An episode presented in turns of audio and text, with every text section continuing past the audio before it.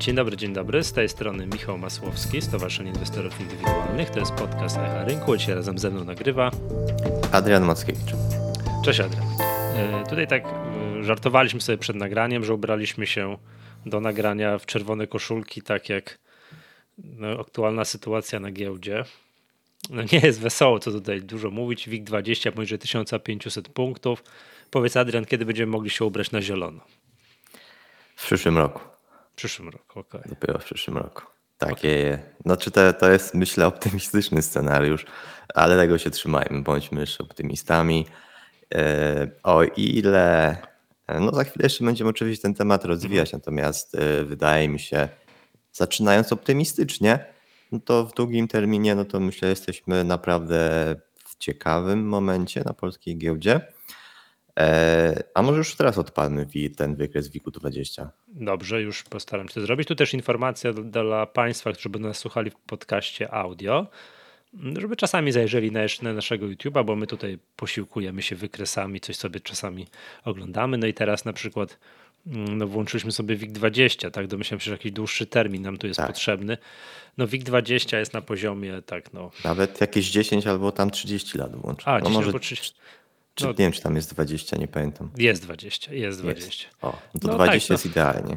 Wiesz co, ostatnio na Twitterze ktoś się śmiał, że mm, że z kolegą się śmialiśmy, że po WIG-u 20, że to jest taki indeks, że jak powiesz ile jest punktów tam, ile jest, to ciężko jest zgadnąć, który mamy rok prawda? Tak jak w odróżnieniu od jakichś tam amerykańskich indeksów, które jakieś tam powiedzmy sobie w bardzo długim terminie są w jakiejś tam hoście, no ostatnio trochę mniej.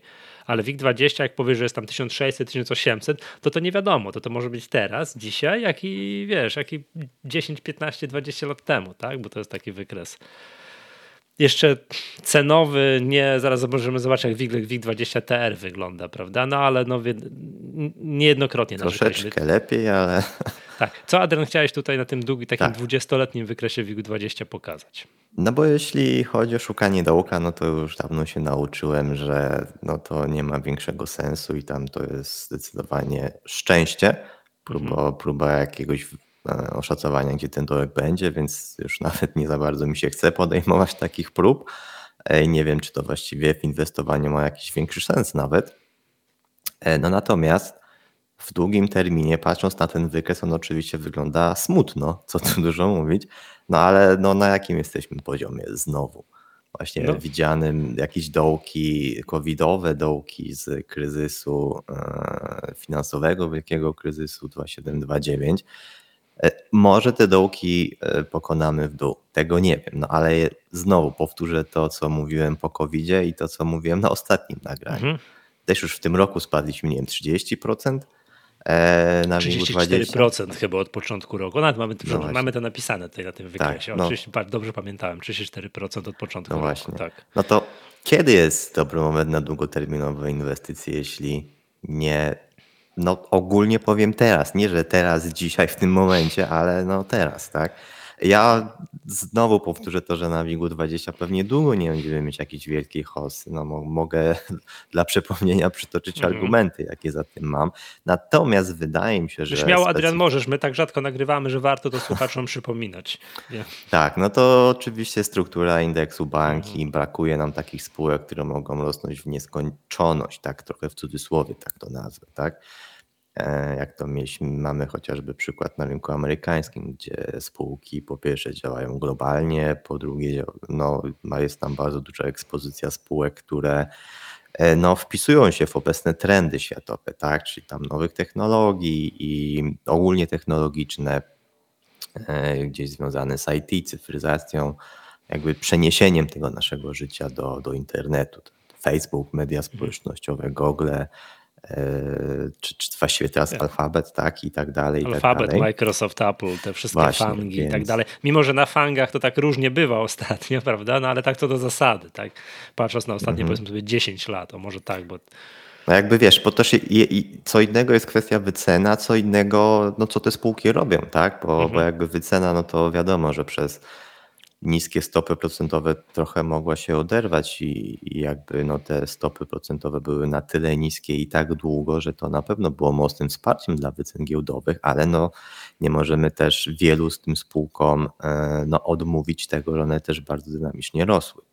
E, mhm. Jakby systematycznie rosły, tak? Jedne, jedne na poziomie przychodów, bo były na takim, nazwijmy to jeszcze wczesnym etapie e, wzrostu, no a inne też już na poziomie zysków, e, przychodów i zysków. Więc no, no tu Apple jest też dobrym przykładem, tak? który no, e, no myślę w pewnym sensie wręcz zaskakiwał dynamikami wzrostu w ostatnich latach i mówiąc kolokwialnie dowoził, no co, co też jakby miało przełożenie na kurs akcji.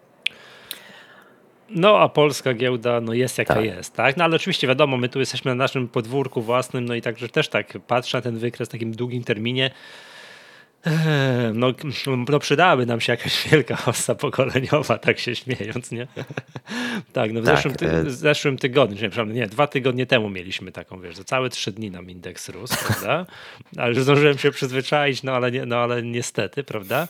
Mm, no tak patrzę, patrzę i powiem tak, z drugiej strony to, jakby oczywiście to jest smutny widok, z drugiej strony to jest tak, że przywołuję tutaj, no nie pamiętam kto to powiedział, ale to Jacek Lempart, proszę bardzo, jakiś wywiad i tam na swoim blogu musiałbym zajrzeć, przepraszam, nie mam pojęcia nazwisk, że jak masz dekady do emerytury i przydarzył ci się krach na rynkach finansowych, taka sytuacja, no to trzeba otwierać szampana. No też można powiedzieć, kiedy jak nie teraz, tak? Tutaj wiesz, mógł tutaj troszkę tak w stylu Pawła Szczepanika powiedzieć, że e, WIG20 to jest taki indeks, że go trzeba kupić po 1400-1500 i sprzedać po 2300-2400.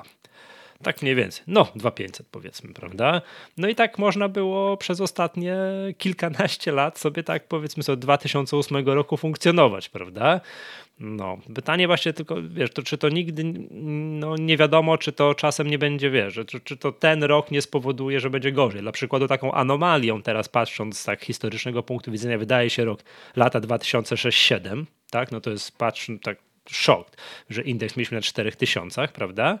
No i pytanie, czy teraz nie mielibyśmy z kolei doświadczyć anomalii w dół. Tutaj, no jeden widziałem też taką śmiałą prognozę, chyba Mateusz Mucha z Beta Securities w jakimś wywiadzie powiedział, tam nie pamiętam dokładnej cyferki, ale wymienił wartość indeksu WIG20 poniżej 1000 punktów. No toż byłoby niesamowite, jakbyśmy mieli indeks WIG20 poniżej, poniżej 1000. No, oczywiście opieranie swoich inwestycji na WIG-20, no patrząc na tę ostatnią kilkunastoletnią historię polskiej giełdy, no jest szalenie ryzykowną, powiedziałbym tutaj, wiesz, to jest ćwiczenie z odporności na ból. Mm, no bo to, co powiedziałeś, no, skład indeksu, czyli energetyka. Oj, ciężkie czasy przed energetyką. To, to, to ta zima, nie wiem, co to się będzie działo, tak? To... Wiesz co, Michał, też no. znajdę ci trochę słowo, Dobrze. bo też z tej energetyki chciałem się chwilę pośmiać. Eee, no bo był taki case inwestycyjny, że wysokie ceny prądu to energetyka powinna zarabiać, ale coś, coś to nasza energetyka nie, to... nie za bardzo chyba zarobi. No to wysokie ceny prądu nie, nie, nie, nie, wynikają, nie będą wynikały z tego, że no nie wiem, że energetyka chce zarabiać sobie marżę zwiększyła, tylko z tego, że to ten węgiel podobno strasznie y, podrożał, czego jako wiesz, mieszkaniec wsi i y, opalający domy ogroszkiem doświadczą w ostatnich tygodniach, miesiącach, prawda? To jest jakby jedna rzecz. Banki, czyli możemy tutaj wspomnieć o tym, jaka tragedia wydarzyła się na bankach, czyli wakacje kredytowe. Tak, to, to jest ogromne ryzyko tutaj takie no, u nas regulacyjne. No, nigdy nie wiadomo, z której strony wiesz, grom z jasnego nieba uderzy. Wydawało się, że z bankami, no cóż, może to no, prywatny biznes w 100%, no, pomijając banki państwowe typu PKO BP, PKO czy Alior, nagle cyk i ryzyko takie regulacyjne jest tutaj w Polsce bardzo, bardzo duże. No i kto za to wszystko zapłaci? No akcjonariusze tych banków, prawda? Możemy spojrzeć, jak wygląda wykres WIG banki w ostatnich tygodniach, no bo to jest no właśnie, tak? Czekaj, weźmy jakiś taki troszkę krótszy okres. No tak, cały 2022 no to jest, jest, jest ciężki, prawda? No i to, jak wszystko złożymy do kupy, no to okazuje się, że, no, że nie jest dobrze i jeszcze na to wszystko CD Projekt nakładałem, który był super, był super gwiazdą tam aż do premiery tego nieszczęsnego cyberpunka, chociaż ostatnio no nie wiem, tam przyznam się, że nie przestałem śledzić trochę CD Projekt, no ale zdaje się jakiś film na Netflixie jest, który spowodował to, że najwięcej ludzi od premiery gra w Cyberpunka, że najwięcej chyba tylko grało tam pierwszych paru dniach po premierze i dopiero teraz więcej, więcej ludzi, bardzo dużo ludzi w to gra, to jakby jest na jednej stronie, że na plus CD Projektu, a na drugiej szali mamy tam jakieś kolejne fundusze, mimo ceny w CD Projektu już nie po 180, 190, tylko 80, 90, ujawniają się na krótkich pozycjach na CD Projekcie, więc wychodziłoby na to, że amerykańskie czy tam zachodnie fundusze wciąż ten CD Projekt po około 90 zł wyceniają jako drogi. To jest, no i jak to wszystko złożymy do kupy, no to, to WIG20 jest gdzie jest. To jest jakby jedna, jedna strona medalu. A Plus, jeszcze chwilę, no, chwilę no. zapamiętaj myśl na no. chwilę jeszcze wrzuć jakąś szerszą skalę tych banków, tak żeby Dobra. był wykres tygodniowy, to nie wiem, tam 3 lata? A no, no 5 lat powiedzmy, okej. Okay. 5. No może być 5. E, zobacz jak fenomenalnie ten wykres wygląda te wzrosty pokowidowe, gdzie te banki wystrzeliły właściwie na historyczne maksima, jak szybko oddały te całe wzrosty. Mhm. To, to, to, to, to jest dla mnie fenomenalne, jak szybko zdołowali te tak. banki. Tak. A pamiętasz, jak się zachwycaliśmy, że jakby wie, że ktoś, kto uwierzył w dołkach covidowych w banki, które tam szorowały pod nie, one nie miały takiego klasycznego odbicia. Tak jak cały rynek tam od marca, kwietnia 2020 pięknie nam wzrósł, tak banki nie, one dużo później zaczęły rosnąć i że to jak, jak ktoś to dojrzał, no to kupę pieniędzy zarobił, no i tylko to, no właśnie, tak. A wiesz, co tu dla mnie jeszcze jest e, śmieszne, może mhm. najśmieszniejsze, że banki jeszcze nie za bardzo zdążyły wykazać te wielkie zyski, po które była gra i już, już właściwie wiadomo, znaczy wiadomo, no raczej nie wykażą ich w najbliższym czasie, szczególnie na pewno nie w trzecim, gdzie właśnie wspomniane wakacje kredytowe wejdą na wyniki. Mm -hmm. No, A tak... były, były też dane sektorowe i bodajże 6 miliardów chyba straty zanotowały banki w lipcu albo w sierpniu. Chyba w sierpniu. A wakacje kredytowe to sierpień jest, prawda?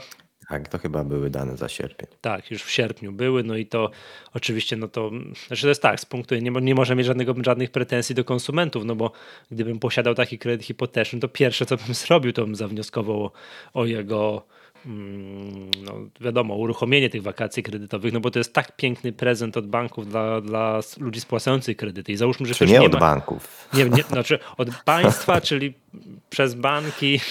Tak, tak, tak, ale wiesz, to trzymajmy się tej e, narracji banksterów. Banksterzy ci nic nie dadzą. Tak, oczywiście. Oczywiście, że tak. Oczywiście Także... śmiejąc się. No, także to był piękny prezent. No i oczywiście, jak byłbym takim kredytobiorcą, to pierwsze co bym zrobił, to bym pobiegł i skorzystał z tych wakacji kredytowych. Nie wiem, nadpłacił trochę tego kredytu, no bo to to niesamowicie, no nie wiem, jeżeli ktoś ma możliwość obsługiwania kredytu i ma możliwość regularnej spłaty, to oczywiście powinien wziąć te, te wakacje kredytowe i powinien ten kredyt nadpłacić w tych ilościach, w tych pieniądzach, które bym miał przeznaczał na spłatę pojedynczych rat. To niesamowicie skracało jakiś okres spłaty kredytu, więc to prezent, prezent no nie od banków, tak jak słusznie zwróciliście uwagę, tylko od ustawodawcy jest niesamowity. Zapłacili za to już tutaj widać po tym wykresie. Tak, scenariusze banków to jakby jest jedna rzecz. Druga rzecz jest taka, że to to było działanie wybitnie proinflacyjne, bo oczywiście część osób no weźmie tak jak ja powiem, ja bym tak zrobił. Ja bym po prostu trochę nadpłacił kredyt, tak, tymi pieniędzmi, a część osób, no huloj dusza piekła nie ma, wydajmy te pieniądze wydajmy te pieniądze po prostu, tak, na rynku. I a wiadomo, skoro wszystko drożeje, trzeba kupować na zapas, bo kiedy jak nie teraz, no wie to dodatkowe, ekstra, mm, ekstra jakiś taki czynnik proinflacyjny. Znaczy, będę konty- no, przepraszam, będę kontynuował A no bo właśnie chciałem, żebyś pamiętał ten myśl, bo chyba chciałeś do jakichś pozytywów jeszcze przejść. Yy, jeszcze jedna negatywna myśl, a, a potem okay. przejdę do pozytywów. No i na to wszystko, gdzie tam już wymienialiśmy, skład indeksów, energetyka, biedny ten CD Projekt nasz tutaj. Tam, Aha, ale właśnie, bo CD no. Projekt, jak o tym mówimy, no. akurat CD Projekt trzeba pochwalić, bo ostatnio giełda spada, a CD Projekt walczy tam na zielono. Tak? tak, tak ale to dosłownie, nie wiem, cztery ostatnie sesje no może, właśnie, bez, wiesz, bez szału, ale jak na CD Projekt. No, to długi wykres CD Projektu w ogóle nie wygląda jakby cokolwiek szalał, nie, tak? Tutaj, ale jak wyświetlimy, wyświetlimy sobie krótszy, no to o, o, o, matko z 80 do 85, no cóż za wzrost, prawda? Tak, mm, a nie, no, nie 90 nawet jest dzisiaj. Jest, tak. 90 i to, tak, i od razu to widać y, w kształcie indeksów tych sektorowych, na przykład jakieś tak WIG Games czy WIG Gry, to on od razu, ponieważ on ten, ten, indeksy chodzą jak CD Projekt, no to od razu widać, że, że to tak działa. Poza tym do mm, sektor gier to są głównie eksporterzy, a przy tym co się dzieje na rynku, tam dolar złoty czy euro złoty, no to to jest, no to nie muszą, to jak to, to, to, to, musi się na nich jakkolwiek pozytywnie przekładać. Zdaje się, CD Projekt jakieś tam 3% ma przychodów w złotym, a tak to w walutach obcych, więc to dla nich to jest akurat dobrze, tak? Pytanie, czy to cały czas uzasadnia taką wycenę, jaką oni mają, tak? Czy około tam, nie wiem, 8-9 miliardów złotych na dzień dzisiejszy. No i będę kontynuował. Jeszcze jedna negatywna myśl, czyli no wiadomo, energetyka, banki, wakacje kredytowe, CD, biedny ten CD projekt, z których nie wiem, z gwiazdy polskiej giełdy zamienił się w takiego chłopca do bicia troszeczkę. E, mm, utkwiło mi w pamięci taki, taki mam taki punkt kontrolny. Zanotowałem sobie w kalendarzu, kiedy to było, jak Krzysztof Kolany na bankierze napisał taki, że straszną połajankę, że to już w ogóle modne się zrobiło, wie, że takie wiesz, no okładanie batem tego WIG-20, naśmiewanie się i w ogóle jak to można tej polskiej giełdzie inwestować, że to jest tak duże negatywne nasycenie tych wszystkich emocji, tego, że już przecież to się nie da na tej polskiej giełdzie inwestować. WIG 20 500, teraz, teraz już dzisiaj poniżej 1400, że to może jest punkt wzrot, zwrotny. I wracając do tego, co ty na początku powiedziałeś, że no, no wiadomo, wskazywanie dołków jest oczywiście ryzykowną sprawą, to wstecznie sobie można zrobić. Nigdy nie wiadomo, czy Mateusz Mucha, gorąco pozdrawiamy, nie będzie miał racji i nie będziemy wyznaczali jakichś ekstremalnie niskich dołków, ale ja, ja się powiem Ci przynajmniej przyglądam, żeby nie powiedzieć, że jakieś takie mikro, małe zakupy sobie tam robię, prawda? Takie wiesz, ostrożnie, bo tym się ręce trzęsą, ale pamiętam tak samo mi się trzęsły na covidowych dołkach, więc ja tak z takiego psychologicznego punktu widzenia, jak jeszcze raz byśmy sobie wyświetlili ten WIG20 w długim terminie, ale w takim faktycznie długim terminie, tak jak zwróciłeś uwagę, 20-letnim i tak wiesz, jeszcze raz polecę tym Pawłem Szczepanikiem, że WIG20 to jest trzeba kupić między 1400 a 1600 i sprzedać między 2400 a 2600, no to jesteśmy na tych poziomach, prawda?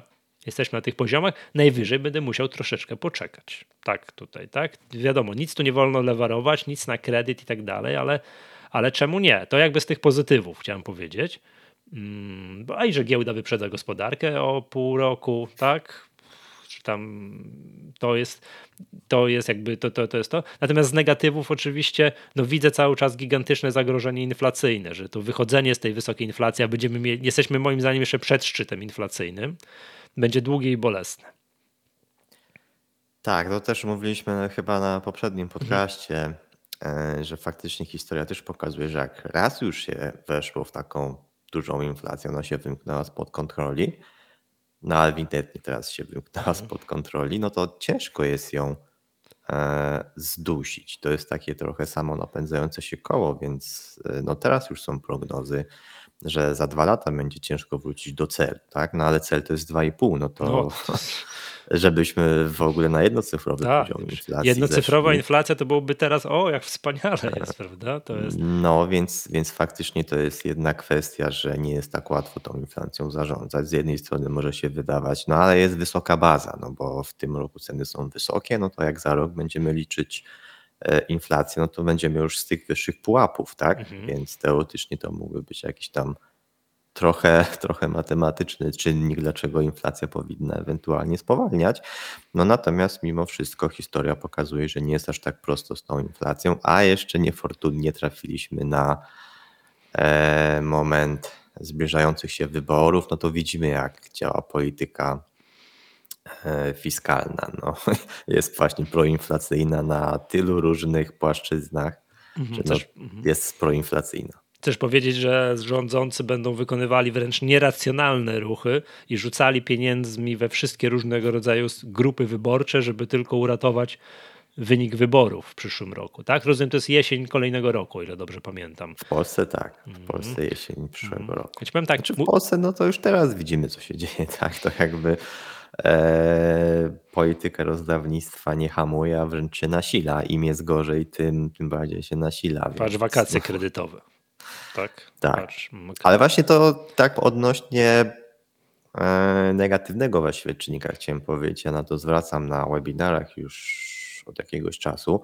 Moim zdaniem konsument w Polsce cały czas jest silny Mhm. I pomimo tych paragonów grozy, które już nie są wakacyjnymi paragonami grozy, ale zwykły, zwykły paragon w sklepie, e, cotygodniowe zakupy, to już są paragony grozy, e, no to mimo wszystko te wakacje kredytowe, te różnego rodzaju inne wsparcia, które są dodatkowe emerytury.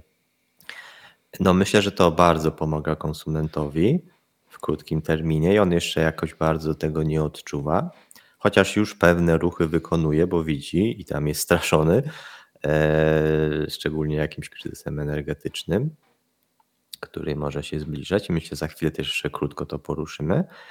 No to wydaje mi się, że na razie, na razie ten konsument jeszcze, jeszcze jest relatywnie silny i tak naprawdę moment, kiedy no, konsument się no tak, może powiem to w cudzysłowie, załamie, jest dopiero przed nami. A jak ten konsument się załamie, no to wtedy dopiero zobaczymy, jak naprawdę jest źle. No bo przytoczony też kryzys 2729. Z tego co pamiętam, no to my raczej go przeszliśmy całkiem nie najgorzej jako Polska. No między innymi dlatego, że aż tak nas mocno nie dotknął, no i konsument tam był relatywnie silny mimo mhm. wszystko. No teraz nic nie wskazuje na to, żeby konsument miał być silny, a jeszcze krótko nawiązując chociażby do ostatniego posiedzenia Fed, no to on tam e, raczej wskazywał, że będzie walczył z inflacją i nie będzie za bardzo zważał na recesję. No i jeśli inne banki centralne też poszłyby w taką retorykę, a czemu nie, no to w jakimś stopniu też się to pewnie na nas odbije, a no my też prędzej czy później z tą inflacją będziemy musieli walczyć. Nie da się tego wszystkiego zasypać dodatkowymi pieniędzmi. No, zasypywanie dodatkowymi pieniędzmi kończy się inflacją, więc to tak wiadomo jak jest. tak, Jerome Powell powiedział coś takiego, chyba właśnie teraz, kilka dni temu w okolicach tego ostatniego posiedzenia Fedu, że mm, yy, walczenie z inflacją jest bardzo bolesne że będą, będzie bezrobocie, że będzie kryzys gospodarczy, że będziemy cierpieli, bo, bo nie wiem, bo giełda będzie spadała, bo wszystko będzie to, co mówisz, konsumenci, ludzie zbiednieją, zaczną tracić pracę, zrobi się bezrobocie i dalej będzie to bardzo, bardzo bolesne, a i tak to jest mniej bolesne niż wysoka inflacja. Gdybyśmy dopuścili do długotrwałej, wysokiej inflacji, to ona będzie bardziej bolesna, bo po prostu będziemy biednieli z roku na rok o kilkanaście procent, tak jak teraz, albo nie daj Bóg o więcej, no to, to to jest jeszcze bardziej bolesne niż to, że musimy, no, że będzie super no mówię, kryzys gospodarczy, który musi spowodować zmniejszenie inflacji. Prawda? Więc jakby no to widzimy w jakim kierunku postępuje Fed, no i to co powiedziałeś, no trudno sobie wyobrazić, żeby inne no, tak cywilizowane państwa świata y, mogły postąpić inaczej. Natomiast ja tutaj mm, chciałem jeszcze tutaj wrócić do tego wątku, że mi się wydaje, że uważam tak zresztą, że ten górka ta inflacyjna, ten jakby szczyt inflacji jest przed nami, ponieważ widzę całą masę czynników, co się za sekundkę będzie działo, dlaczego to jeszcze mm, będą ceny rosły i to będziemy mieli jeszcze, no, będziemy mieli, duże problemy, a przede wszystkim chodzi mi o, czyn, o sprawy podwyżki cen energii, które de facto podwyżki cen prądu są przed nami, a to jest ogromny składnik kosztów w przedsiębiorstwach. No i podwyżki gazu, to też skończy się, no to, to, to, to zarówno jedno i drugie odczują gospodarstwa domowe, jedno i drugie odczują przedsiębiorstwa, typu jakaś piekarnia, tak? No nie, to więc takie dane, wiesz, no, no strzelone, tak, no ale to, wiesz, jakieś, czyta się jakieś artykuły, że nie wiem, właściciele piekarni mówią, że, że jak już znają prognozy ceny gazu, że jednomiesięczna E, faktura za gaz może przekroczyć ich miesięczne przychody. No to o czym rozmawiamy, gdzie są, gdzie, gdzie są pozostałe składniki kosztów. No jak tak patrząc na to, co się będzie działo, że, że, no nie da rady, tak uczono nas na, na, na mikroekonomii, tak na studiach, że nie da rady wyprodukować taniej bułki, jak ją trzeba, do, do tej produkcji trzeba użyć drogiej, drogiego prądu i drogiego gazu, prawda? To, co prawdopodobnie, tak mi się wydaje, że już nie będzie za bardzo drożało, to są ceny paliw. No wozimy je dalej drogimi paliwami, więc jakby tutaj mniej jakby to już mówisz, rok minie i będziemy mieli wysokie paliwa drogie, no to tutaj już baza jest, jest już odpowiednio wysoka, prawda? Natomiast jeżeli chodzi o ceny te po prostu, nie wiem, no opału, to, to, jest, to jest hitem inflacyjnym ostatnich, ostatnich miesięcy. Tak, to zdaje się jest na szczycie tej, jak tam mamy te artykuły, przed czym są składowe. Z czego wynika droga inflacja? No to opał i podwyżki tam stu kilkudziesięciu procent są na pierwszym miejscu. No ale za sekundkę będziemy mieli no, podwyżki cen energii, podwyżki cen gazu, no i co? Trzeba by się modlić o łagodną zimę. We Francji już zapowiedziano, że będą wyłączać prąd na dwie godziny czasami.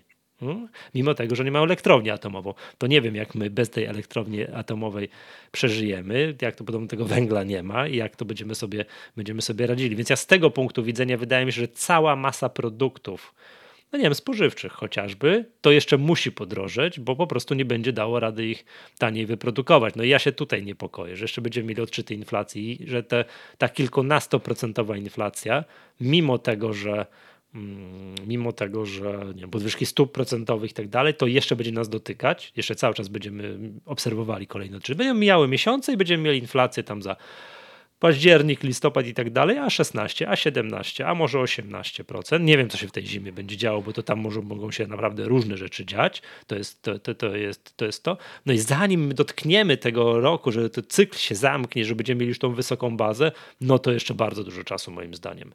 Bardzo dużo czasu moim zdaniem upłynie.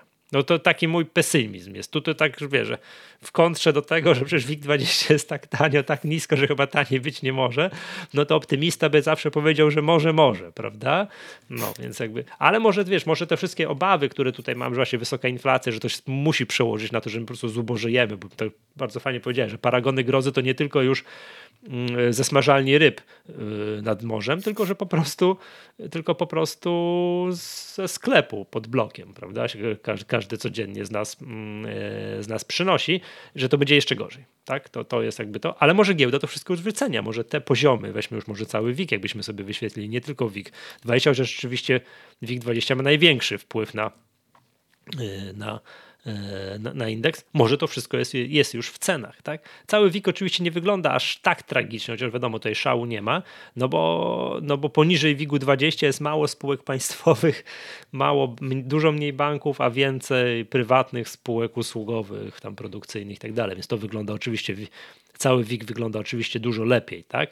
No ale też tak, no szału nie ma, tak? Więc ja tutaj moja podstawowa obawa jest taka, tutaj jakby odnośnie przyszłego rozwoju sytuacji jest taka, że ta wysoka inflacja zostaje z nami na jeszcze parę miesięcy, że co prezes Glapiński mówił na Molo, że być może w przyszłym roku bodaj, że będziemy już obniżki pierwsze stóp procentowych, nie byłbym taki pewny. Nie byłbym taki pewny, że będziemy długo, długo walczyli z tą kilkunastoprocent, oby tylko kilkunastoprocentową inflacją. To moja podstawowa obawa jest właśnie taka.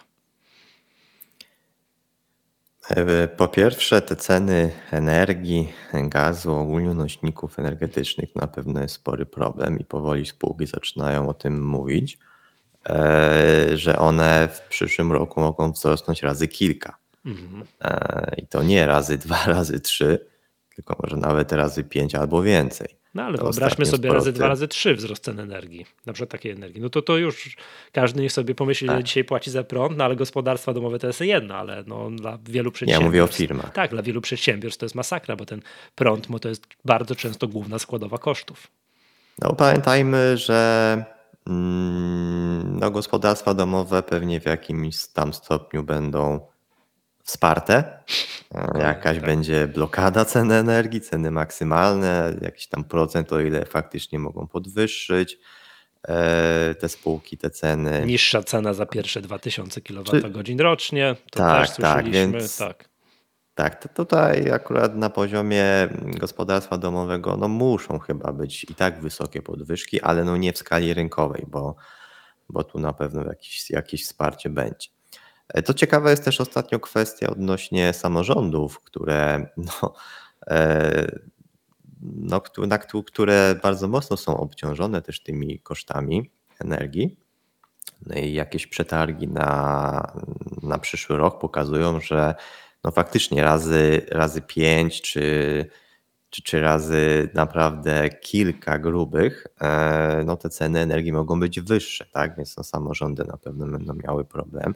I ostatnio e, chyba czytałem jakiś artykuł, że jest e, nie, nie ustawa, ale strona rządowa prosi spółki energetyczne, żeby jakoś inaczej zaczęły wyliczać te ceny energii w ofertach dla, dla samorządów. Jakiś jeden samorząd ostatnio w ogóle odstąpił od umowy. Wrocław. Bo tak, to właśnie Wrocław, był właśnie. Tak. Wrocław dostał jedną ofertę, ale powiedział, że nie zapłaci tyle za prąd i No i to I było chyba tak. będzie kolejny Widziałem to. Nie pamiętam oczywiście dokładnych kwot i tak dalej, że tam jakieś tam, że, przetarg na dostaw, na, na, tak, na dostawę energii w 2023 i tam najniższą cenę zaoferowało PGE chyba i właśnie była To, ta to cena. była jedyna oferta. Jedyna, nie, ona chyba tak, jedyna, aha, i ona była tak wciąż tak kosmicznie wysoka, że to Mhm. się nie, no, nie dało rady tego czytać. No i pytanie, wiesz, po takim pierwszym momencie, nazwijmy to, nie, to my tego nie płacimy, no bo to wiadomo, to nie może tak, nie powinno, czy nie wiem, czy nie można.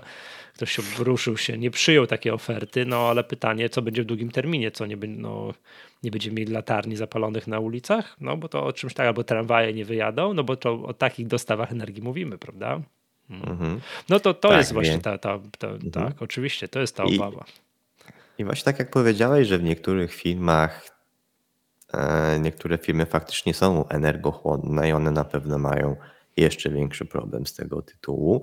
Tak naprawdę dzisiaj firmy, które nie miały wysokich kosztów energii, no nagle te koszty robią się istotne w strukturze, tak? No i nawet ten wzrost razy kilka, jeśli dodamy do tego ogólnie relatywnie niską rentowność biznesu, no bo niektóre biznesy są po, po prostu nisko rentowne, tak? Jeśli ma marżę netto 5%, to nawet niewie, re, relatywnie niewielki koszt w strukturze energii, prądu, jak ci to rośnie razy 5, razy 6, to nagle się okaże, że jesteś na granicy rentowności. A mówimy tylko o jednym kosz, koszcie cały czas, tak? Tak, bo to, O koszcie energii. tak, bo to ktoś może po prostu nie zużywać energii do produkcji, typu na przykład, nie wiem, no, jakieś spółka, spółki chemiczne, tam, tam, no, nie wiem, typu Rokita, tak, jakieś azoty, tam e, prąd jest jedną z głównych składowych, tak, oni tam, Tak, tak, tam pracują, pracują, tak, tak, ale weźmy, nie weźmy jakąś firmę usługową, która biurową, która prowadzi typową działalność biurową, jakąś finansową i tylko oświetla biurowiec. I, i zużywa prąd na oświetlenie tam, nie wiem, jakichś, jakichś halogenów na, w korytarzach i w biurach i, i komputery są włączone. No i do tej pory to prąd był takim tam, mówi się, bardzo nisko, z niską składową kosztów w porównaniu, nie wiem, na przykład z wynagrodzeniami i tak dalej. No to może być tak, że zacznie być po prostu wysoką, tak? Że będą, będą jakieś takie akcje typu zapalajmy co drugą żarówkę albo montujmy te jakieś czujniki, żeby one się zapalały, jak to się jednak chodzi, a nie, że się pali cały czas i tak dalej, i tak dalej. Mm.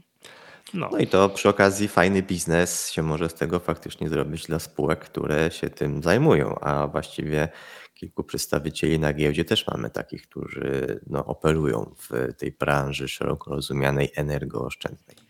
Tak, a E, potrafisz wskazać taką, taką, nie wiem, jakieś takie spółki, czy Tak. No jedna to jest oczywiście Grodno, o którym co jakiś czas opowiadamy i, i tu też podkreślałem to wiele razy, że jednym z powodów, dla którego Grodno mi się podoba, to to, że ta spółka ma już historię współpracy z biznesem, współpracy B2B. E, No a teraz po prostu ma jeszcze szerszą ofertę, bo, bo OZE zaczęła robić, zaczęła robić pompy ciepła, e, więc po prostu teraz ta oferta jest jeszcze bardziej kompleksowa i ten kontakt z y, biznesem już był, więc w jakimś tam sposób może prościej będzie też to dalej rozwijać.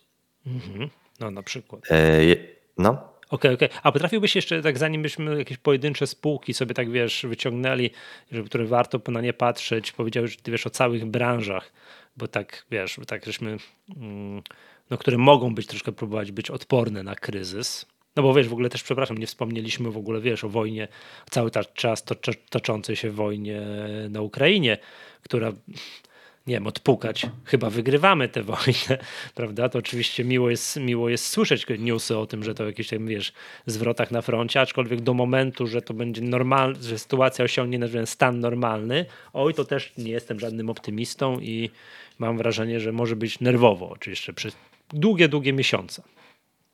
Jeśli chodzi o wojnę, to ja nie jestem ekspertem ani wojennym, ani tak naprawdę politycznym, ani żadnym taktykiem wojskowym, więc trudno mi to komentować. Natomiast przypominam, że jak się rozpoczynała wojna i Rosja miała zająć Ukrainę w tydzień maksymalnie, no to na początku też była taka euforia, że Ukraina broni się ten tydzień i to ten kolejny, kolejny, kolejny.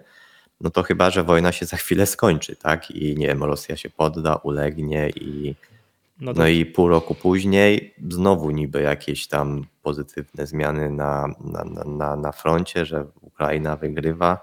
No moim zdaniem nie jest to takie proste, oczywiste i trochę może przeinaczamy te fakty, no bo na pewno kibicujemy Ukrainie i chcielibyśmy, żeby e, no żeby oczywiście wygrała, ale no, mimo wszystko z tej potęgi Rosji militarnej zaczęliśmy się śmiać tydzień po rozpoczęciu wojny, że chyba wcale ta Rosja nie jest taka silna, mhm. no a jednak mimo wszystko pół, pół, pół roku, no i i trwają te, te, te, te walki. Pamiętajmy, że jeszcze pewnie jakiś miesiąc temu nikt z nas nie przypuszczał, że wojna się za chwilę skończy, a teraz coś tam się dzieje, jakieś nowe doniesienia i znowu e, uznajemy, że to już koniec wojny. Nie, ja nie uznaję. Się... Ja mimo tego, że tych no sukcesów no na jakimś tam na froncie na Ukrainie, którymi się karmię, który lubię czytać te newsy, no to dobrze, że to idzie w tę tak. stronę, a nie w drugą, prawda? To wciąż mam takie wrażenie, że będzie się, to będzie długie, bolesne, przedłużające się, że stan, nazwijmy to, który nie wiem, uznajemy za normalny, że jest normalnie, że jest spokój, nie wiem, że ktoś odbudowuje tę Ukrainę i tak dalej i może nawet polskie przedsiębiorstwa na tym korzystają, no to to jest moim zdaniem odległa przyszłość. To pod to bym na tak. giełdzie nie grał, że mamy jakieś spółki budowlane, które będą uczestniczyć, nie wiem, no w odbudowie Ukrainy tej wschodniej, prawda? No to też, też bym się raczej takich scenariuszy trzymał i no wiadomo, trzyma, trzymam kciuki, ale no jakąś, jakimś specjalnym optymistą co do tego, że za chwilę e, się ta sytuacja rozwiąże, no to jestem daleki od takich scenariuszy. Mhm. Dobrze, e, to może jakieś branże, to, ja, to może zacznę ten WIG gry w sensie, wiesz, ten branża gamingowa, to co mówiłem, że jak spojrzymy na wykres, wiesz, dolar złoty, euro złoty i tutaj wszystkim to, to smutno się robi, prawda? Czy frank złoty, nie wiem, czy widziałeś, że to frank znowu po 5 zł. No, nie, dzisiaj chyba nie akurat, ale tam dwa dni temu tak i że to mhm. jest te 5 zł tutaj na franku, no to jest dokładnie tyle, ile tam było podczas tej takiej paniki na przełomie 2014 i 2015 roku, kiedy mm, Bank Centralny Szwajcarii powiedział, jak to było, że przestaje bronić franka, tak naprawdę przestaje bronić umocnienia franka, tak może w drugą stronę, prawda? I ten frank jednodniowo wystrzelił po, do 5 zł. No i wtedy to, to był taki... Wiesz, teraz przepraszam, wejdę ci tak? słowo, bo z tym 5 zł to jest o tyle śmieszne, że zależy jaką platformę forexową byś odpalił, to tam mogą być różne maksima bo tak, nie, nie każdy uciągnął. Tak, ale wiesz, wtedy te 5 zł to było taką anomalią, wystrzałem na pół dnia, prawda, że o, wszyscy się przestraszyli, to były, wiesz, newsy, newsy na portalach i tak dalej, a teraz te 5 zł jest takim systematycznym, powolnym wzrostem, takim no trudno sobie, o ile wtedy było, no, no nie chciałbym powiedzieć, że wiadomo, no ale raczej nikt nie spodziewał się, że frank z 4 zł do 5 zł może się utrzymać. No tak teraz, czemu nie? prawda? Mam wrażenie, że to może być nowa rzeczywistość, że waluty po 5 zł.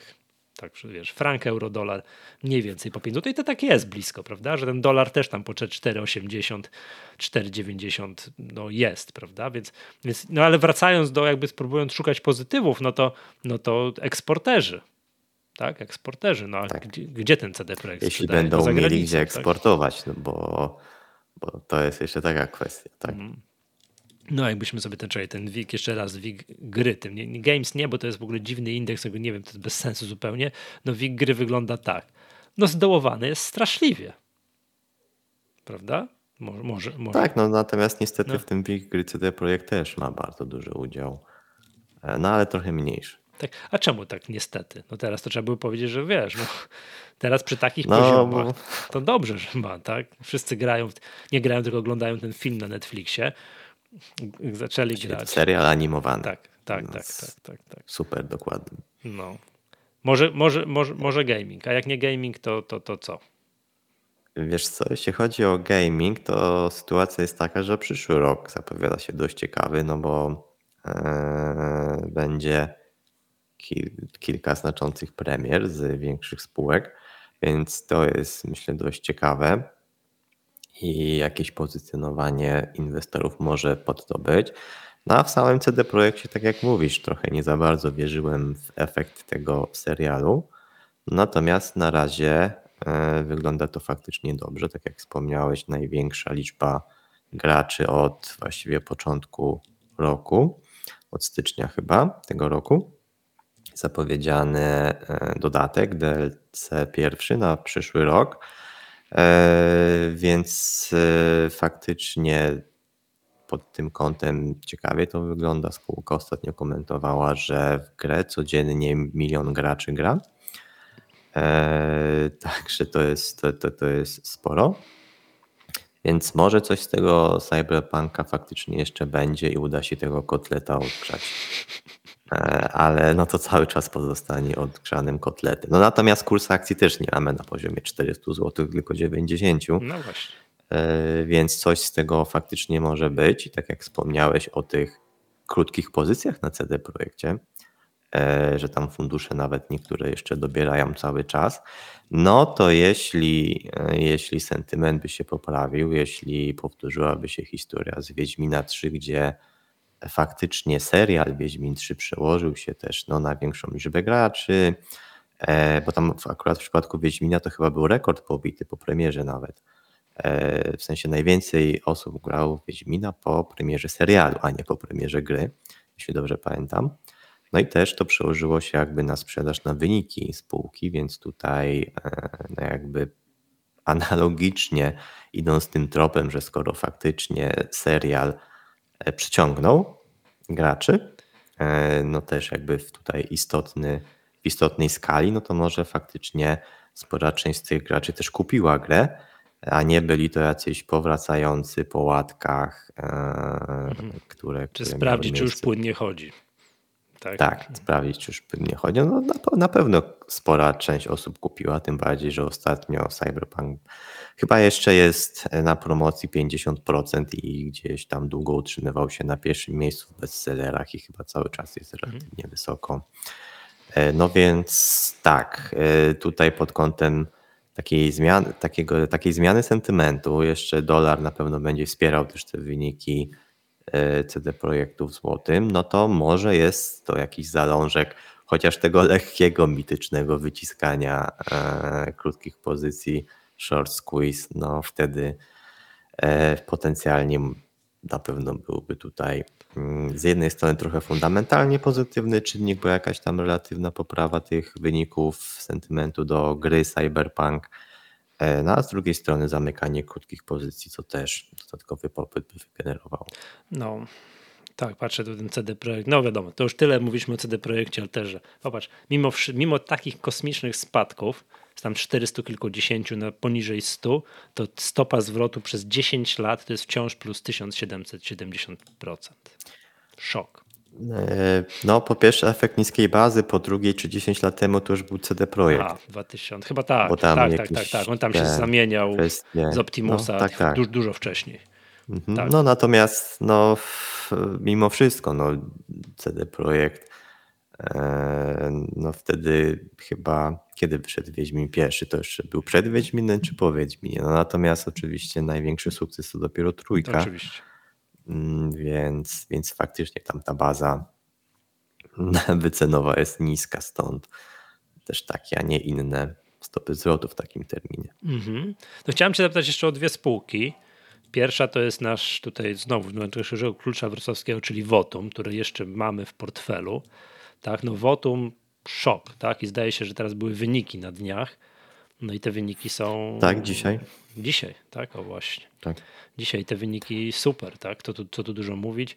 Dywidenda została odcięta parę dni temu, ale to, tak jak rozmawialiśmy ostatnio, to jest dywidenda za poprzedni okres i ona nie ma nic wspólnego z tym, ile dzisiaj spółka ogłasza, ogłasza jak ogłasza wyniki. No patrząc na wykres Wotum, żadnego kryzysu nie ma.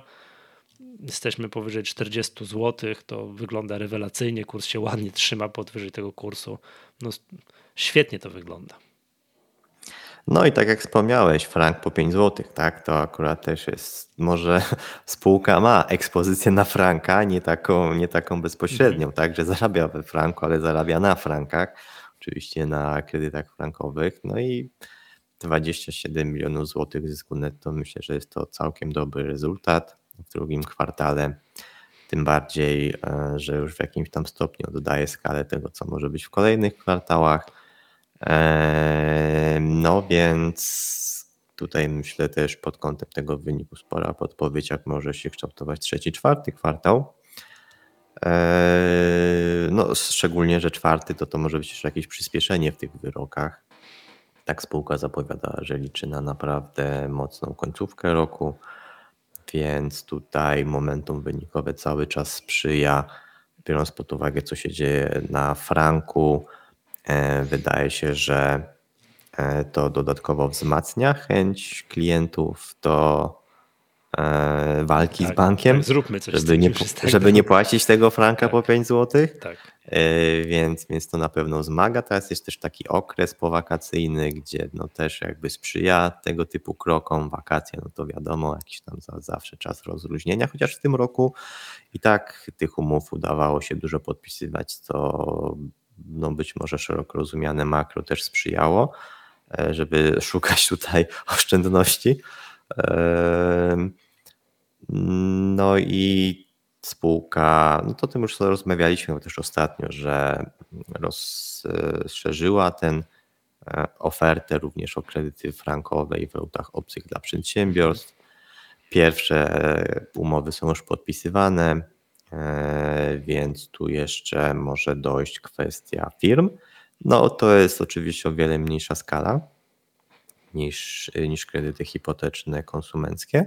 No natomiast jakiś dodatkowy też pozytywny czynnik e, na, na kolejne zyski i wsparcie tutaj wynikowe. No natomiast jak teraz spółka to zaczyna, no to to raczej nie jest, tak mi się wydaje, że to nie jest melodia przyszłego roku, ale, ale może jeszcze, jeszcze bardziej to się, e, może jeszcze późniejszego. Ale to jest Trochę też dobrze. mniejsza skala, tak jak mówiłem, ale, ale, ale oczywiście co do zasady, e, no, dodatkowe sprawy to jest, to jest pozytywna. Tak, to jest to akurat dobrze, bo to mówię, że kolejne lata, bo to ja zadawałem zawsze takie pytanie, dobra, dobra, fajnie te sprawy frankowe, ładnie, to widzę, Wotum się za to wzięło, jedzie na tym, to, to wszystko widać, ileż to może trwać, przecież ileż tych kredytów udzielono kiedyś, no i to nie jest sprawa do nieskończoności, prawda, że kiedyś to paliwo się wyczerpie.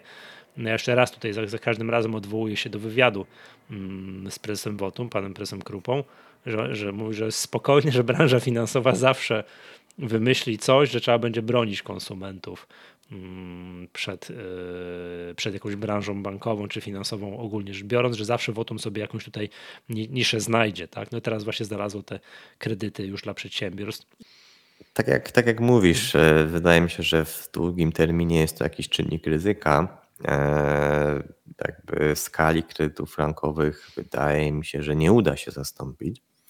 Więc w jakimś długim terminie nie byłbym tu, znaczy długim terminie, naprawdę długim terminie. Mhm. No bo też ostatnio na to zwracaliśmy uwagę, że sprawy frankowe to nie jest kwestia roku, dwóch lat, tylko raczej grubych kilku lat, więc to się może utrzymywać. No natomiast pytanie, czy E, pytanie, jak spółka zainwestuje te pieniądze, które zarobi? No, będzie się dzielić dywidendą i to zapowiada, jest spółką dywidendową, chce pozostać, więc na pewno jakaś część trafi do akcjonariuszy. Tu myślę, e, biorąc pod uwagę retorykę spółki, no to raczej można chyba być spokojnym o te kwestie. Natomiast pytanie, w co zainwestuje, e, jak będzie próbowała inwestować, gdzie szukać okazji. No przypomnijmy, że Wotum weszło w OZE na przykład. E, nie do końca się to udało, były tam zmiany struktury właścicielskiej, e, czyli jakby sprzedaż większościowego pakietu w, spółce z OZE teraz, teraz to jest e, mniejszościowym udziałowcem Wotum. No więc pytanie, czy po przypływie tej masowej gotówki jak zaczną spływać te, znaczy już spływają te wyroki drugiej instancji, jak będą te wpływy pieniężne, no czy spółka znowu nie postanowi może zainwestować w coś, co akurat mhm. jest modne. E, no i pytanie, co tam za 2-3 lata będzie modne i czy, czy tu e, czy ogólnie w co, to tak trochę się śmieje z tym, że zainwestuje w co będzie modne, tak? Pod kątem też tego OZE. No ale ogólnie w coś może będzie chciała zainwestować, może jeszcze rozszerzyć tę działalność, biorąc pod uwagę, ile tych środków może tam spłynąć. No i to jest jakiś czynnik ryzyka, no bo czy da się zwiększyć skalę obecnego biznesu? Mhm. Właściwie patrząc na pozostałe segmenty, to one kuleją. E, to one kuleją, głównie wyniki ciągnie segment bankowy, żeby nie powiedzieć, że jedynie. No więc Właśnie, to, to jest jakiś czynnik ryzyka, w co spółka będzie potencjalnie inwestować, gdzie szukać okazji do dalszego wzrostu. No bo tak jak, tak jak też powiedziałeś, no, prawdopodobnie coś tam się znajdzie w bankach, żeby jeszcze je docisnąć kolanem No ale skali frankowej powtórzyć raczej, to będzie ciężko. raczej się nie uda. Tak. Y... A jak się, jak, jak się uda, no to w takim razie sektor bankowy do zaorania w Polsce. Bo tego już chyba nie przeżyje. Mhm. Dobrze, chciałem, a propos OZE, zanim cię zapytam jeszcze jedną spółkę, to powiem ci, jak ja jestem optymistą, jeżeli musiałbym tam popatrzeć, bo wiadomo, trzeba patrzeć po spółkach i tak dalej. No mieliśmy w poprzednich latach wysyp takich, no, nie giełdowych, po prostu przedsiębiorstw, nazwijmy to w takiej, wiesz, co to może całą firmę w teczce zamknąć, e, co to przedstawiciele handlowi chodzili po domach i oferowali montaż fotowoltaiki, tak? Dużo przedsiębiorstw powchodziło w fotowoltaikę.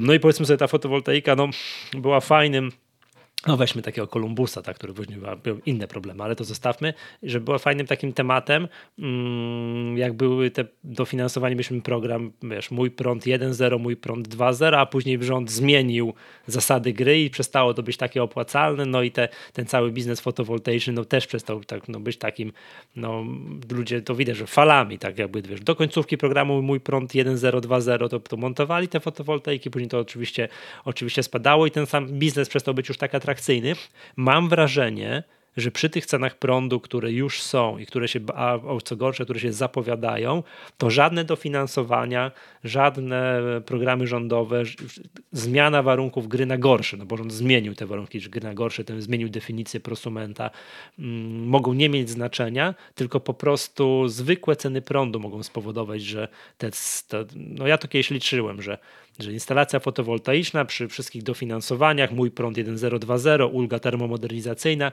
taka instalacja zwraca się w 8-9 lat. Czyli super. To znajdźmy inwestycję, która się zwróci poniżej 10 lat, bo to oznacza stopę zwrotu 10%, no to, to nic lepszego sobie wyobrazić nie można. No to moim zdaniem, żeby nawet odcinamy wszystkie możliwe państwowe dofinansowania, wszystkie ulgi, programy pomocowe, wszystko, i to i tak może być super biznes. I tak ludzie będą się decydowali na montaże tych fotowoltaik. Przedsiębiorcy będą się na to decydowali, bo mówiliśmy, że prąd dla wielu przedsiębiorców, nawet jak nie jak był wysoką składową, to zacznie być bardzo wysoką składową, a nawet jak nie był wysoką składową, to zacznie być, prawda? To zacznie być, więc zaczną się decydować przedsiębiorcy, samorządy będą się decydowały. No ja tu mam, tak to za, za mną, no osiedle jest jedno, o którym lata temu na dziesięciopiętrowcach postawiono instalację fotowoltaiczną. Dzisiaj mieszkańcy przynajmniej mniej płacą albo tam nie płacą więcej za to, że mają światło, no, albo że, że winda jeździ, prawda? Takie, takie rzeczy się będą działy i nie będzie potrzeby do tego, mówię, żadnych państwowych dofinansowań, nic, bo po prostu ceny prądu będą takie, że te czasy znowu będą no, grubo poniżej 10 lat. No to wyobraźmy sobie inwestycję jakąkolwiek, która zwraca się grubo poniżej 10 lat, więc moim zdaniem ja bym znowu przychylnym okiem spojrzał na sektor OZE. Oczywiście nie na hura, tylko trzeba by patrzeć przez pryzmat no, już, już bardzo konkretnych spółek, tak, które się tym zajmują, no bo to czym one dokładnie się zajmują, co, co, co może być i, i tak dalej.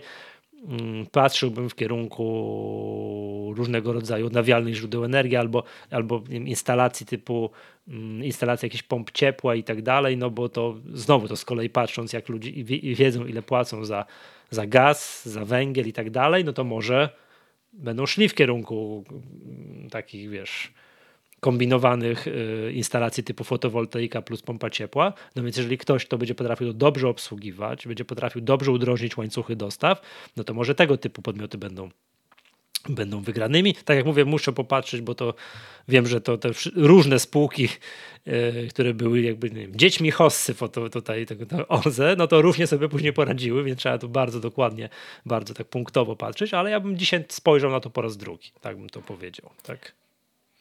Ja jeszcze raz powtórzę, mhm. że mi się bardzo ciekawy wydaje biznes B2B, mhm. E, czyli właśnie świadczenie tych usług OZE dla przedsiębiorstw. Tak.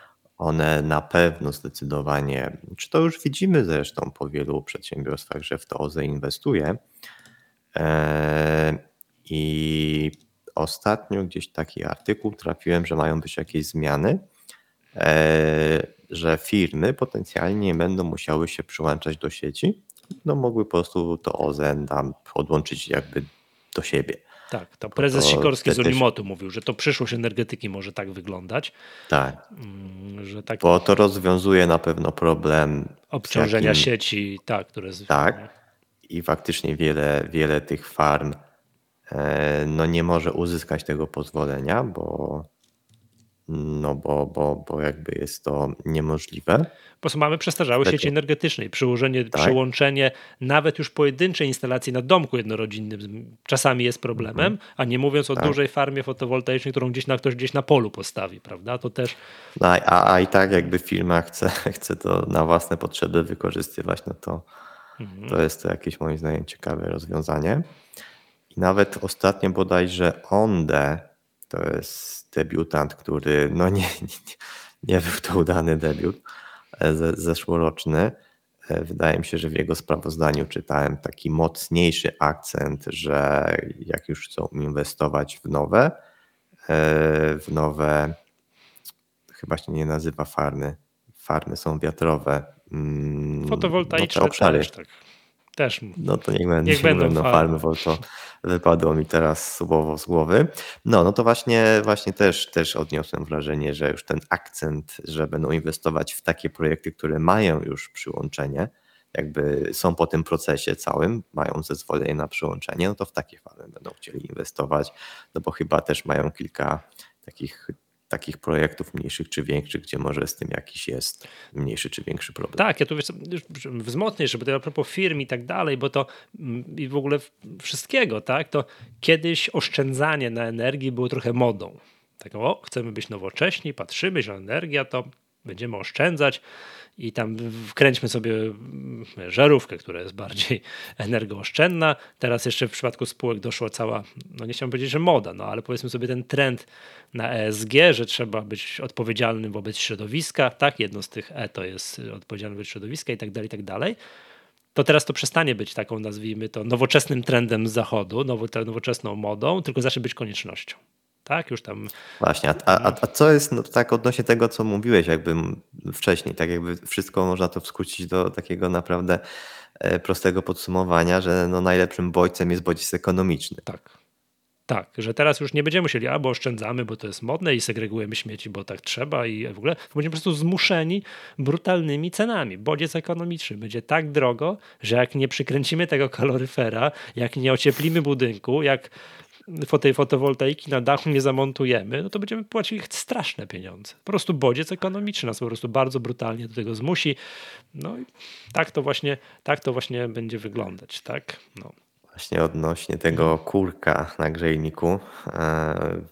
Pojawia się kilka, czy no może pewnie cała masa różnych śmiesznych tak zwanych memów czy obrazków. Z premierem. Dwa, dwa, tak? dwa mi się podobało, jak tam dokręcasz do piątki i nagle od razu e, za oknem policja na, na syrenie podjeżdża do ciebie. Czemu, czemu ogrzewasz na piątce? Albo jak są zdjęcia różnych polityków i tak. ich śmiesznych min, gdzie ktoś tam ktoś uchwycił, to im dalej, tym śmieszniejsza mina. No albo groźniejsza. Albo groźniejsza. Tak, albo, tak, tak, oczywiście. Albo groźniejsza. Dobrze. E, tak, te memy są, też mi się bardzo podobają. To też jeszcze, wiesz, tak a propos naszego, wiesz, jak patrzymy na, no, wiesz, no, ceny te gazu, wszystko i tak dalej, wzięły się też trochę, znaczy nie, nie trochę, przede wszystkim wzięły się z tego, no, że ograniczamy, rezygnujemy, czy chcemy, czy nie chcemy z importu z Rosji, prawda, wskutek sytuacji politycznej. No i te, dzisiaj jakby tak zapytaj przeciętnego przechodnia na ulicy, czy jesteś za zerwaniem stosunków gospodarczych z Rosją, nie importowanie, bo od nich paliw, gazu, ropy i tak dalej, to podejrzewam, wszyscy powiedzieli, tak, oczywiście, trzeba być solidarnym z Ukrainą i tak dalej. Ja też tak uważam. No to, to, będzie brutalne, musi zaboleć, ale też tak uważam. Jestem bardzo ciekaw, jakby zrobić taką sondę, wiesz, no teraz wiem, w lipcu, w sierpniu, jak było cieplutko na dworze, a jak zrobić taką sondę w grudniu, w styczniu, jak będzie zimno i będą faktyczne problemy mm, no, no z ogrzewaniem, tak, z paliwami, ze wszystkim, tak. To, to, to bardzo ciekawy jestem, jak nam się zmieni, jak nam się zmieni optyka, oby nam się nie zmieni, oby nam się nie zmieniła. I jeszcze co, Adrian, chciałem się na sam koniec zapytać, jeszcze o spółkę też taką, wiesz, eksportera hmm, niezależnego od cen prądu, chyba że biuro sobie ogrzewają, znaczy nie ogrzewają, tylko oświetla, oświetlają, niezależnego od cen gazu, chyba że znowu biuro sobie ogrzewają, typowego usługodawcę, czyli Yy, czyli live chat. Wiem, że na, na tej spółce dyskutowaliśmy o tej spółce nieraz. Przy poziomach typu 80-90 jest 110 z hakiem. Live chat e, w długim terminie niezmiennie uważam, że jest dobrą spółką, bardzo dobrą spółką jakościową. Nie poddała się I... Beście, wręcz przeciwnie. No akurat, czy której beście, tak? No bo na kolonie wirusa, no to e, wręcz się mocno wzniosła. Na to już nieraz tłumaczyliśmy czemu. E, no na tej bezsie troszeczkę jednak te, to, ta skala może tego nie oddaje, bo po prostu cały czas widzimy na tym wykresie mocne wzrosty z no właściwie okresu pandemii, no natomiast tam ze 130 do 80 zanurkowało. Także też wcale aż taka mała skala tych spadków nie była, natomiast no, na pewno w dużej mierze wynikało to z tego, no nazwijmy, technicznego czynnika, czyli korekty wyceny do wyższych stóp procentowych. E, LiveChat wynikowo cały czas daje radę, bardzo dobrze sobie radzi. Były tam pewne obawy o polski ład, o wynagrodzeniach, tam różne inne czynniki kosztowe też się pojawiają, chociaż no głównie, głównie chyba wynagrodzenia, jakieś usługi obce też z tego tytułu. No natomiast biznes cały czas na razie dobrze rośnie, z tego to spółka podaje. Też e, znowu podwyższyła cennik, więc jest nowy cennik, co powinno e, sprzyjać perspektywie najbliższych wyników, plus jeszcze to, co się dzieje ze złotym, e, który jest słaby, tudzież dolar, który jest mocny. Natomiast zastanawiam się, że chyba bardziej złoty po prostu jest słaby i to, to jakby może ma nieco większy wpływ. No to faktycznie wydaje się, że perspektywa wynikowa w połączeniu z podwyżką cennika kolejną, no nawet takie krótkoterminowe perspektywy tutaj rysuje dość, dość ciekawe. E, szczególnie, że też na jednym z ostatnich webinarów komentowaliśmy sobie wyniki live chatu za drugi kwartał kalendarzowy. No i moim zdaniem one były, one były solidne, one były dobre. Też, też jakby w, ty, w tym otoczeniu, z tą bazą, którą się spółka mierzy, no to wydaje się, że wyglądało to dobrze. Tak, może jeszcze krótko e, nawiązując, zapraszam też do najnowszego wydania akcjonariusza, który jeszcze nie jest wydany, ale, ale, ale będzie i tam też pisałem, przygotowałem artykuł o spółkach dywidendowych, gdzie jako jeden z przykładów też podałem LiveChat. Tak, LiveChat ma taką... LiveChat był tym przykładem pozytywnym. Tak, nietypową, powiedziałbym tutaj, sekwencję, rytm płacenia tych dywidend, tak? Taki, no, płaci trzy razy w roku według schematu takiego, że w połowie roku częściej, pod koniec roku jeszcze, no, nie wiem z czego to wynika, że nie mogą tego tak rozłożyć ładniej na kalendarzu, ale tak mają, a ponieważ to już, ty powiedziałbym, ten, ta, ta sekwencja, ten, się, ten jakby uklepała, tak, już weszła w pewną tradycję. Tutaj już inwestorzy widzą, jak to jest i moim zdaniem nie traktują tego jako jakiejś dziwności, tylko okej, okay, okay, przyjmują do Dobra, live chat tak właśnie płaci dywidendę. Dobra, przyzwyczailiśmy się.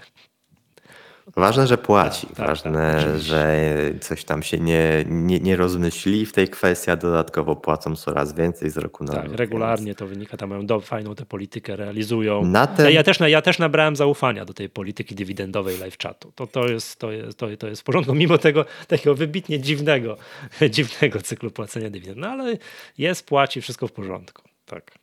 Na ten moment dzisiaj live chat jest dla mnie idealną spółką dywidendową. Mhm.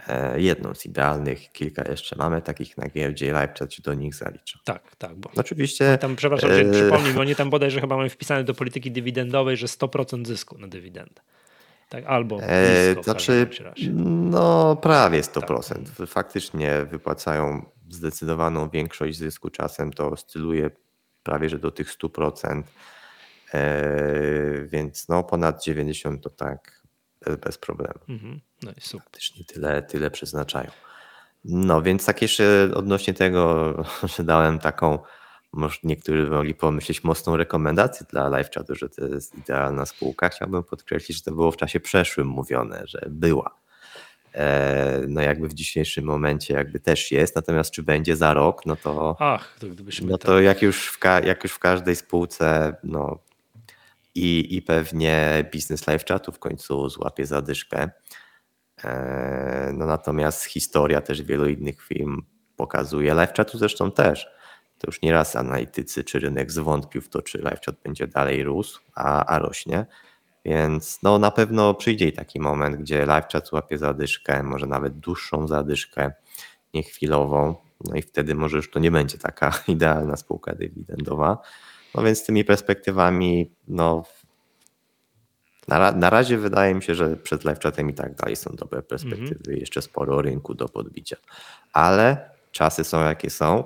Spółki też mogą pobankrutować, poograniczać działalność. W jakimś stopniu też może to wpłynąć również na biznes e, live chat. A, to rozumiem myślenie, że skoro idzie nam Lightning, znaczy idzie, no mamy, jest, idzie spowolnienie, no to tak możemy zrezygnować z jakiejś usługi albo nie kupić usługi live chatu, no to, to, to, to możemy tego nie zrobić. To, to tutaj tak dodam, że my na stronie stowarzyszenia korzystamy z usługi live chatu. Tam można do nas, tam, jak akurat jesteśmy na stanowisku, tam kliknąć w prawym dolnym rogu dymek, napisać coś do nas i tak, i, no i wiem, że korzystacie z tego, tak? To, to, to re, regularnie, to też bardzo fajnie.